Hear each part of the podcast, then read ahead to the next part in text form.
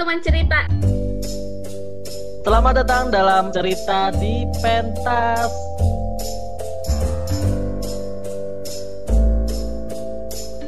Sudah siap bercerita? Devira, Devira, kalau di kelas Devira ranking berapa kalau boleh kakak tahu? Ya, Ada ranking nggak? ada ada. Ya Oh. sekitaran lima besaran, enam besaran gitu. Wah, enam besaran. Devira, nggak minat untuk nyontek. Kan kalau eh, kalau itu kan enam besar. Kalau nyontek kan mungkin bisa jadi ranking satu. Satu. Gimana tuh? Iya, emang udah diajarin nggak boleh nyontek. Udah itu terus diinget. Oh, Oke. Pengen berhasilnya atas usaha sendiri ya, Dek Vira ya. Jadi walaupun enam besar nggak sampai ranking satu, tapi kan itu memang kemampuan sendiri ya, kemampuan Hmm. sendirinya Dek Vira, bukan mengandalkan orang lain atau mengandalkan cara-cara yang tidak benar ya. Iya, Oke. terus Devira kalau dengan prestasi yang sekarang yang nggak nyontek, yang jujur, hmm, Devira seneng nggak? Bahagia nggak meskipun nggak yang terbaik di kelas? eh, tetap senang.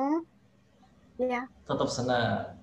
Hmm. Jadi yang penting belajar dulu ya, nanti hasilnya selama kita udah mengusahakan yang terbaik, insya Allah juga hasilnya baik. Nah, Ya. kalau saya tuh pengen nanya ke mamanya malah eh, Kak Tony. Hmm. Eh, Master Jamila, gimana perasaannya jadi ibu kalau mengetahui, aduh anak saya ini ranking masih ranking 6 nih harusnya bisa ranking 1 padahal kan banyak ya ibu-ibu yang ambisius.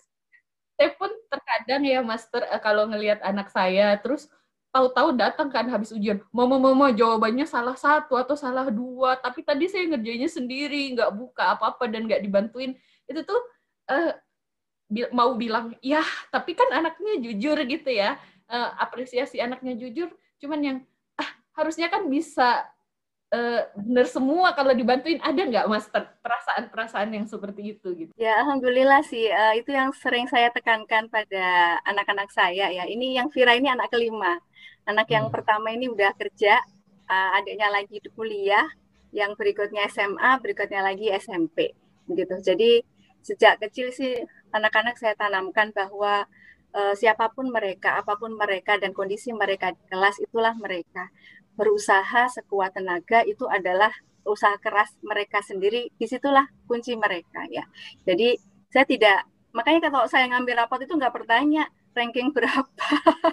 Malah gurunya tuh ustadznya gitu yang nunjukin bu ini ranking anak gitu.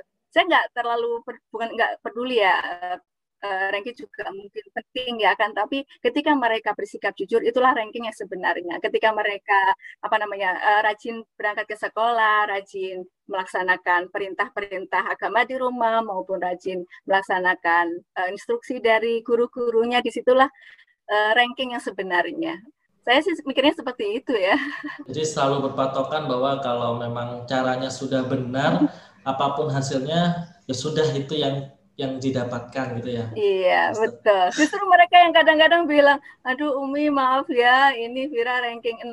Oh. Mereka yang gitu. Makanya saya menyemangati, bukan masalah ranking, nggak penting bagi Umi, yang penting Vira eh, semangat belajar dan seterusnya gitu, Master. Eh, master eh, kalau dibiarin kayak gitu ini aku langsung nanya nggak apa-apa ya master ya. Penasaran soalnya nih eh, apa namanya cara membesarkan anak dengan nilai-nilai integritasnya. Mereka kan eh, kayak eh, maksudnya kita nerimo nih ya ya ya yang penting kan jujur gitu. Utamanya adalah jujur gitu. Kalau udah jujur eh, hasilnya ya itulah yuk eh, apa namanya itulah yang kamu bisa gitu ya. Mereka jadi ini nggak sih master eh, males-malesan gitu. Ah kan yang penting kan nggak nyontek gitu mau dapat berapa aja gitu nah eh, pernah nggak sampai yang ya udahlah nggak usah belajar gitu atau eh, ternyata yang eh, karena nggak boleh nyontek jadinya ya saya harus belajar mati-matian dong gimana master Enggak juga ya. Jadi bagi saya, saya juga tanamkan pada anak-anak hidup itu seimbang. Walaupun misalnya orang tua tidak terlalu berambisi dengan ranking, tetapi di sisi satunya lagi kerja keras itu atau salah satu nilai anti korupsi juga ya, belajar keras, belajar keras itu harus dilakukan.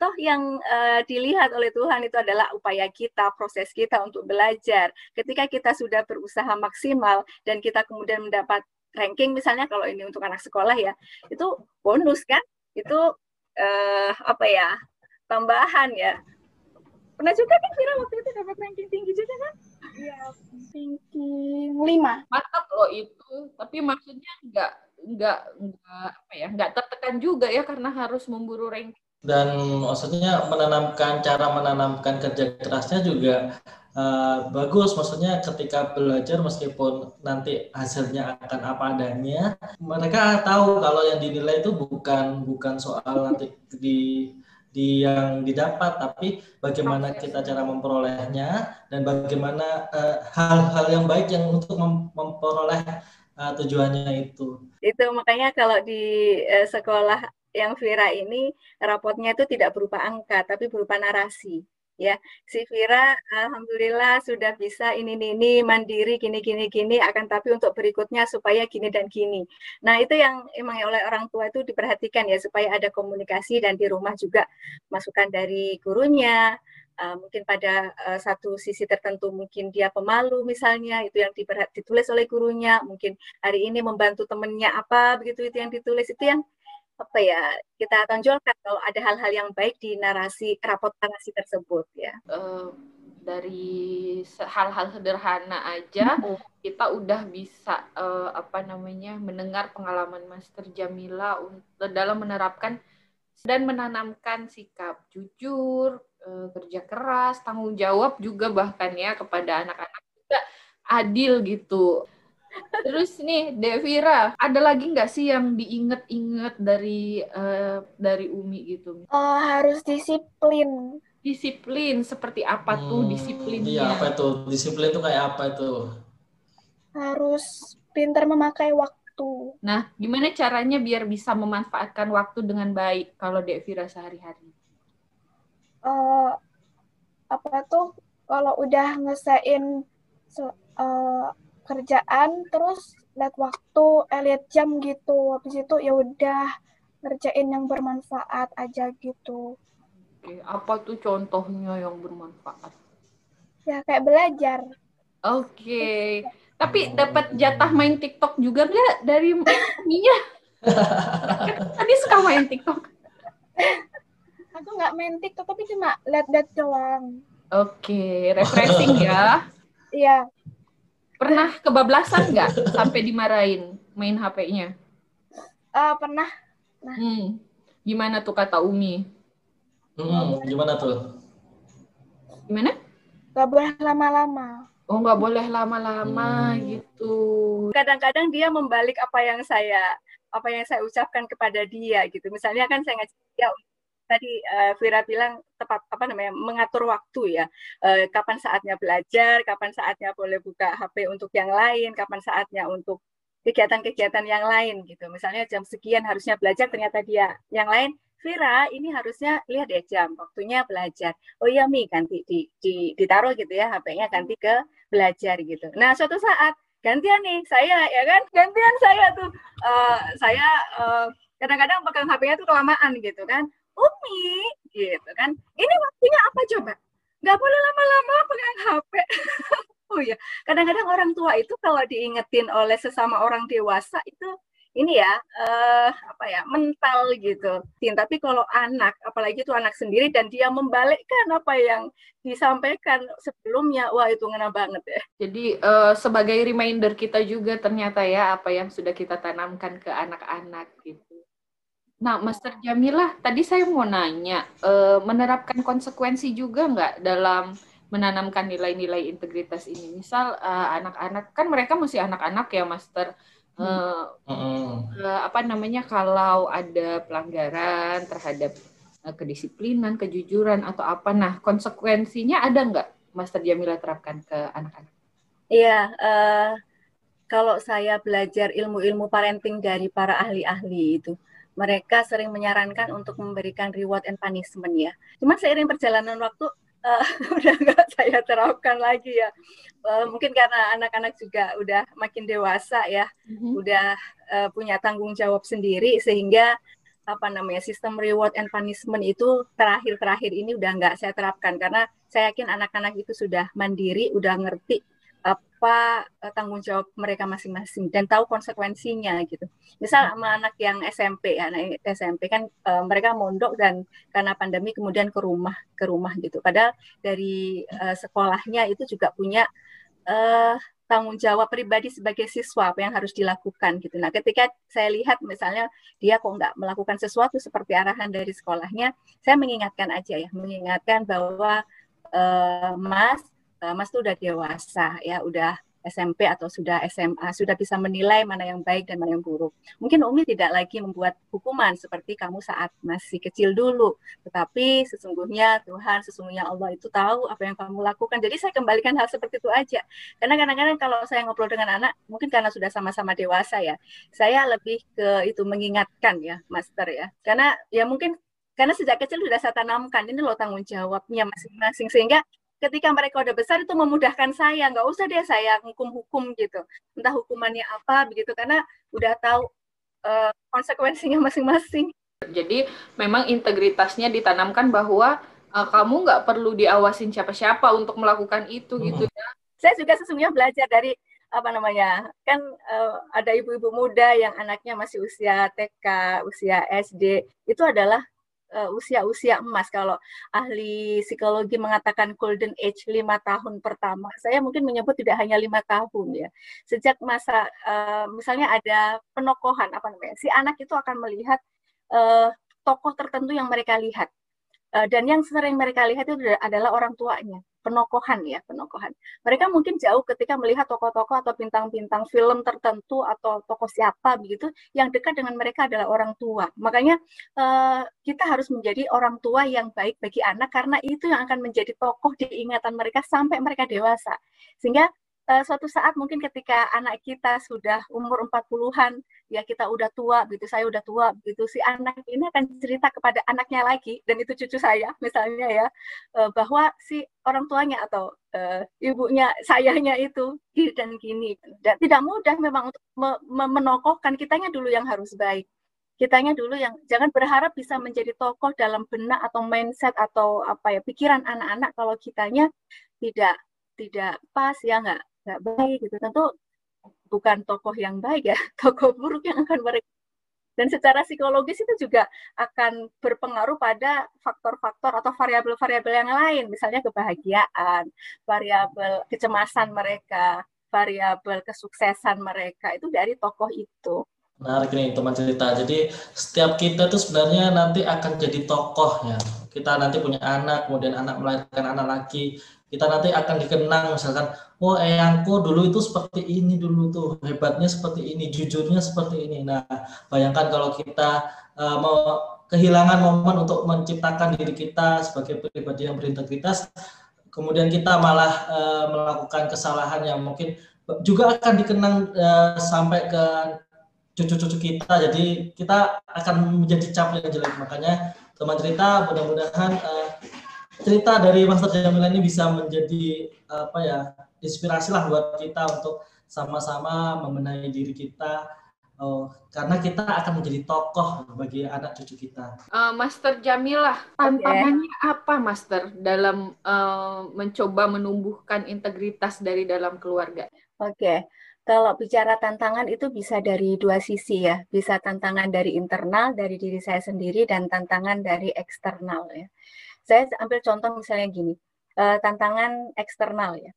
Kita didik anak kita untuk tidak nyontek, tetapi teman-temannya, misal ya teman-temannya ternyata dan anak kita melihat itu, wah teman saya nyontek nih, karena nyontek nilainya bagus nih, karena nyontek nilainya tinggi nih, gitu. Bisa saja tergoda gitu kan.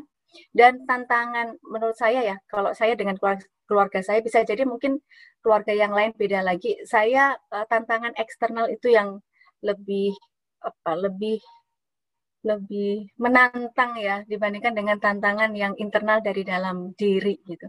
Karena kadang-kadang kita tidak bisa mengontrol dengan siapa anak kita kalau di luar ya, kalau nggak pandemi gini ya, dengan siapa anak kita bergaul. Di luar sana teman-temannya itu ngomong apa aja, karena si temannya itu juga dapat dari orang tua dia, kan gitu.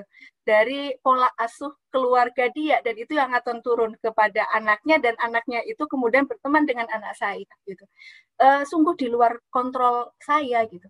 Makanya untuk menghadapi tantangan seperti ini seringnya tuh saya berdoa gini, uh, Mbak dan Kak Tony dan Mbak Iis gitu. Ya Allah, uh, ketika dia di dalam rumah mungkin saya bisa uh, menjangkau anak-anak saya. Saya bisa dalam rentang kendali saya. Tapi ketika anak-anak saya di luar misalnya, yang kuliah berangkat luar, itu kan saya nggak bisa ngontrol mereka di jalan ketemu siapa, di kampus ketemu siapa, di sekolahnya nanti ketemu siapa, yang kerja teman-teman kerjanya di mana, itu kan udah di luar rentang kendali saya. Maka saya sering uh, apa namanya mengatakan ya Allah saya titipkan gitu.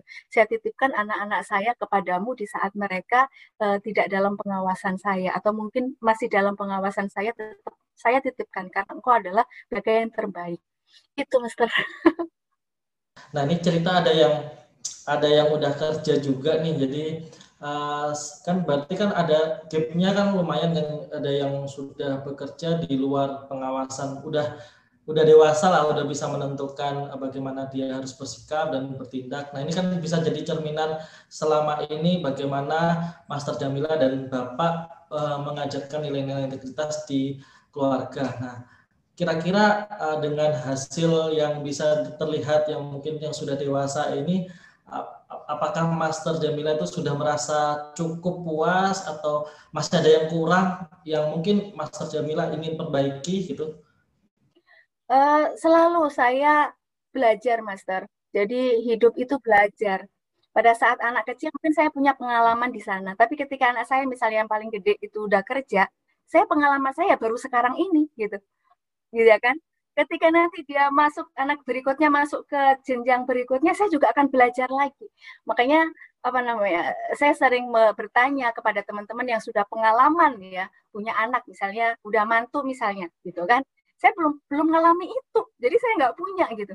Jadi kalau ditanya apakah puas atau apa namanya ya uh, uh, merasa sudah uh, apa namanya mendidik anak hasilnya seperti ini gimana rasanya saya akan mengatakan bahwa saya akan terus belajar tidak akan pernah berhenti untuk belajar mendidik anak karena mendidik anak itu apa ya di samping perlu ilmu perlu terjun langsung perlu pengalaman juga perlu apa ya keterlibatan banyak orang ya dok ya. Karena saya mendidik anak tapi kalau anaknya nggak mau dididik juga harus punya visi yang sama ya, visi semua anggota keluarga. Benar. Jadi meskipun anaknya sudah dewasa, udah kerja, udah cul, istilahnya cul itu apa ya, lepas dari pengawasan orang tua, tapi uh, Master Jamila merasa masih belajar ya untuk mendidik anak meskipun sudah dewasa. Tidak berhenti belajar ya kalau pendidikan keluarga itu ya karena ya uh, memang setiap fase hidup itu berbeda gitu. Bagaimana kita berkembang, tapi tentunya nilai inti yaitu integritasnya tidak akan pernah lepas ya. Menarik sekali. Master Jamila sebelum kita akhiri mungkin uh, ada sepatah 20 patah kata yang ingin disampaikan kepada teman Baik, uh, Master. Saya menghubungkan dengan konsep tunas integritas ya.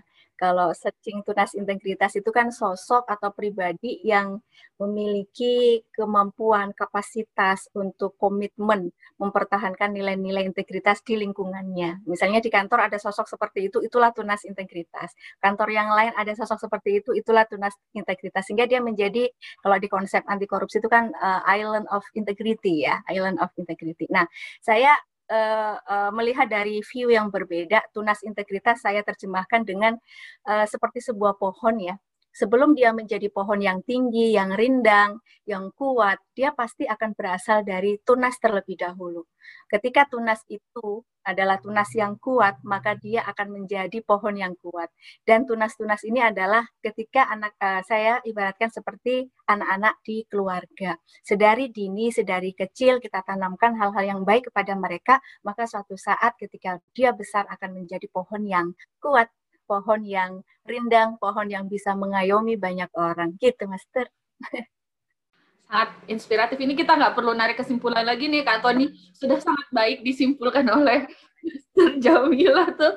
Jadi seperti itu ya. Uh, dari Master Jamila, uh, saya sendiri dan harapannya teman cerita kita semua juga belajar bahwa uh, dengan menanamkan nilai integritas dari rumah, selain mengajari anak, orang tua juga akhirnya dituntut untuk belajar bagaimana menjadi teladan yang baik tentunya ya. Jadi tidak hanya menyuruh tapi juga meneladankan dan itulah sebaik-baiknya contoh seharusnya seperti itu. Oke, okay, uh, Master Jamila terima kasih banyak waktunya. Terima kasih, terima kasih banyak udah diterima di pentas ceria. Iya. juga ada Vira mana tadi terima kasih. Terima kasih. Terima kasih. Ya, Jangan lupa rajin belajar biar bisa ya. terus berprestasi dengan jujur. Semoga sukses belajarnya di sekolah ya. Amin. Amin. Oke, okay. baik ya. teman cerita itu tadi eh, bincang-bincang cerita pentas kita bersama Master Jamila tentang bagaimana caranya menumbuhkan dan mengimplementasikan nilai integritas mulai dari lingkungan terkecil yaitu keluarga. Nah, kita juga pengen uh, ngajakin teman cerita semua nih untuk ikut bercerita seperti Master Jamila dan kemarin ada Master Lisa tentunya berbagi cerita baik kepada orang-orang banyak kepada teman cerita pentas gitu Uh, caranya adalah dengan mengisi tautan bit titik li ly bit garis miring cerita pentas. Nanti kita tulis di caption ya. Nah, selain itu, teman cerita juga bisa mengajak kami bekerja sama maupun berkolaborasi dengan kontak kami langsung. Bisa ke email pnsceritaintegritas at gmail.com atau bisa direct message Instagram dan Facebook kami at pnsceritaintegritas atau bisa chat kami langsung di 0856 4686 9204. Oke deh, terima kasih ya semuanya. Sampai jumpa di cerita pentas episode selanjutnya. Salam cerita integritas. Semangat pagi, pagi, pagi, pagi.